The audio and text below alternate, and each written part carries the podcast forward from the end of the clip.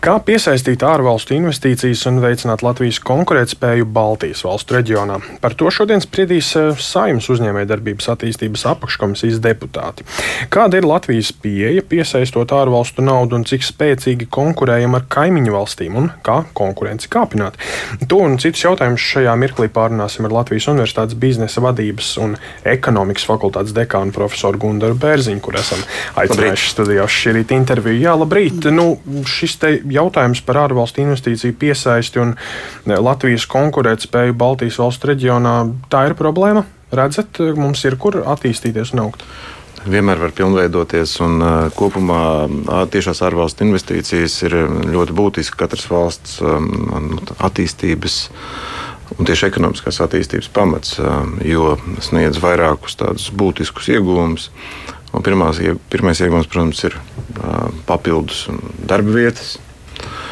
Un vēlams ar augstu pievienoto vērtību tiks ražot produkcija. Tas nozīmē, ka cilvēki arī vairāk var pelnīt. Un viens, vēl viens interesants faktors, kas ļoti bieži ir, ir svarīgs tieši ārvalstu investīciju piesaistē, ir jaunu zināšanu ienešana Latvijā. Tādas, kas iepriekš nav bijušas. Un tur mēs ļoti labi varam redzēt, kā Ķīna izmantoja tieši šo pieeju, aktīvi atbalstot tiešās ārējās investīcijas, tādā veidā iegūstot jaunas zināšanas. Un tālāk jau pārņemot šīs zināšanas un spējot paši saražot atbilstošo produkciju. Bet jūs minējāt, eh, darbinieku darba vietu radīšana ir viens no iegūmiem. Mums darbinieku trūkums šobrīd jau nerada tādas problēmas aizpildīt esošās darba vietas. Tieši tā, bet um, tāpēc mēs arī redzam, ka uh, liela daļa no tiešu ārvalstu investīciju šobrīd ir saistīta piemēram ar enerģētiku. Tas nozīmē, ka vēja parki, saules parki, tas nozīmē tādi ražošanas objekti, enerģijas ražošanas objekti, kuros nav nepieciešams liels darbspēka skaits. Bet kopumā mums jāiedala divas tādas būtiskas investīciju sadaļas. Tās investīcijas, kuras strādā vietējā tirgū, nu, piemēram, lielveikali, ko mēs zinām, teiksim, finanšu sektors. Tas ir investīcijas, kas domāts, ir mēs investējam, lai strādātu teiksim, Latvijas tirgu, tāpat enerģijas ražošana. Un tad ir investīcijas, kas bieži vien ir daudz interesantākas un no tāda zināšanu viedokļa vērtīgākas. Investīcijas, kas ir domātas, ka mēs, Latvija tiek izmantota kā vieta, no kurienes eksportēt savu produkciju visā pasaulē. Un tas, tas ir, tās ir tās investīcijas, kuras būtu visvairāk jāatbalsta. Mēs varam iedalīt arī kādas konkrētas jomas, kurās šīs investīcijas Latvijā būtu veicamas vai nu šobrīd, ir pieprasītas. Nu šobrīd šis, šī joma un arī kopumā Eiropā joma ir tieši IT. Dažādi IT pakalpojumi, kā vadošā joma Eiropā, kurā arī Latvijā tas ir tas jā, arī sektors. Lat ja? Arī Latvijā diezgan daudz investīciju. Kā mēs zinām, Latvija ir slavena ar IT uzņēmumiem, kur lielās pasaules kompānijas um, ražo savu pro, IT produkciju šeit, Latvijā, un tiek, tālāk tiek pārdot visā pasaulē. Tātad tas um, sektors šobrīd ir um, nu, tāds augšupējošs, varētu tā teikt. Un e, nereti dažādos rādītājos, tostarp ekonomiskajos, mēs diemžēl atpaliekam no kaimiņiem. Tas ir saistīts ar investīciju trūkumu, ar nodokļu sistēmu mūsu valstī. Tam varbūt kādi plašāki, dziļāki iemesli, kā jūs redzat to? Um, jārēķinās, ka no tāda lēmumu pieņemšanas viedokļa, ārzemju, ārzemju uzņēmuma lēmumu pieņemšanas viedokļa, galvenais pamats, lai investētu jebkurā ārzemēs, ir faktiski papildus peļņas iespējas, salīdzinot ar savu mītnes zemi. Ja nav iespējams nopelnīt vairāk, kaut kāda iemesla pēc savā mītnes zemē, tad, tad uzņēmumi pieņem lēmumu. Un mēs investēsim, meklēsim, kur ir izdevīgāk. To mēs ļoti labi redzam pasaulē, Āzijā, kā tiek investēts. Tad virspeļņas gūšanas iespējas investēt kādā no valstīm. Vai Latvijā ir šādas iespējas? Nu, tas ir tas interesantais jautājums. Tā vide ir radīta tāda, lai būtu šādas iespējas. Nu, ja mēs redzam, skatāmies īrijas piemēram. Īrijā nu, nosacījumi, kāpēc tik ļoti izauga investīcijas īrijā, piemēram, bija um, plaši pieejams darbspēks, kas ļoti labi runāja angliski, nu, faktiski angliski runājuši darbspēks, un ļoti zemi nodokļi. Tas bija kāpēc īrijā šobrīd ir visaugstākais, gan arī IKP uz vienu iedzīvotāju. Milzīgs skaits tieši pāri okeāna. ASV organizācija, uzņēmumu, kur vēlējās strādāt Eiropā, izvēlējās īriju šo apstākļu dēļ.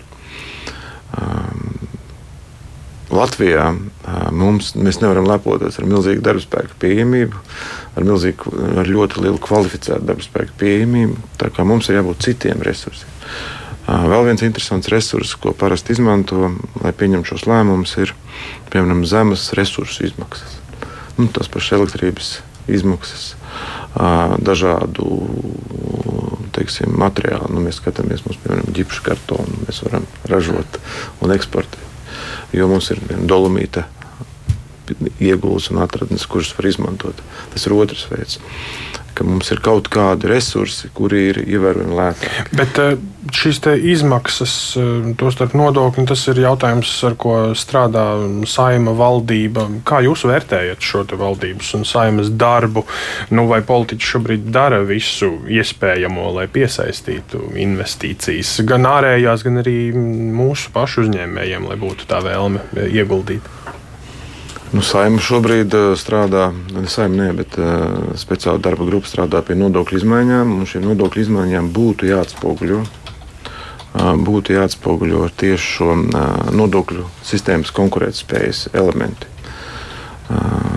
Un kopumā izmaksu konkurētspējas elementi ir ļoti būtiski, lai uzņēmumi pieņemtu lēmumu investēt šeit Latvijā.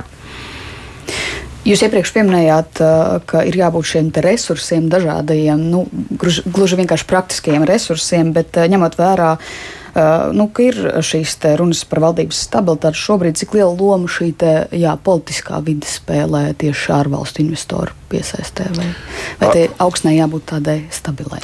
Uh, nu, pēc uh, visām, visiem priekšrocībiem noteikti Um, tur ir divas veidi stabilitātes. Ģeopolitiskā stabilitāte, kas Latvijai īstenībā nenāk pa labu šobrīd. Uh, teiksim, godīgi arī ārzemju uzņēmumi izvērtē ģeopolitisko situāciju un uh, savos aprēķinos par riska, riska vidi konkrētajā valstī.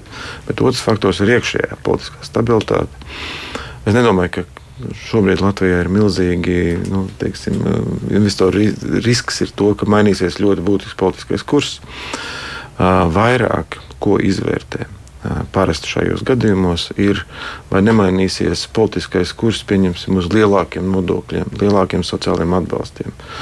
Un, ja ir risks, ka mainīsies šādā veidā nodokļi, tad tas ir tas, ko vairāk skatās iekšā.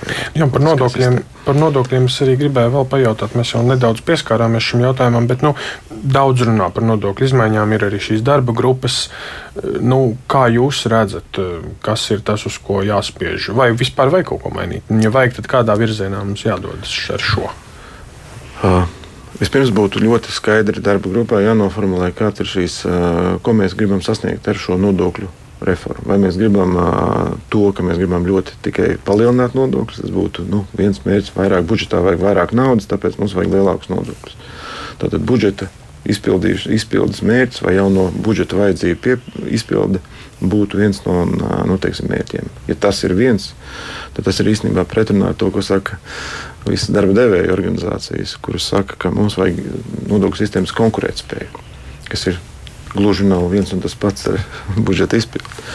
Trešais mērķis, kas varētu būt, ir nodokļu sistēmas būtiska vienkāršošana, kas ir arī zināmā mērā pamats ļoti augstām izmaksām gan administrēšanā, nodokļu sistēmas, gan arī viņu teiksim, nodokļu nomaksā. Tad, un izpratnē par nodokļiem. Tas arī ir veids, kā ēna ekonomika apkarot. Tad, jo vienkāršāk nodokļu sistēma, jo vienkāršāk ir faktiski strādāt un, un cīnīties ar ēnu ekonomiku. Tā kā es teiktu, ka galvenais uzdevums būtu noformulēt, kāds ir mērķis. Tad arī vienkārši sabiedrība varēs pamatot. Nu, jā, mēs izvēlamies šo mērķi, un tāpēc nodokļu sistēma ir tāda, tāda un tāda. Un, ja, ja šis darbs tiks izdarīts pareizi, tad tas noteikti arī varēs eh, veicināt gan investīciju piesaisti, un līdz ar to arī mūsu konkurētspēju Baltijas valstu reģionā. Tā cerēsim. Tieši tā. Jā, nu paldies. Jā, paldies par sarunu Latvijas Universitātes biznesa vadības un ekonomikas fakultātes dekānam profesoram Gundaram Bērziņam.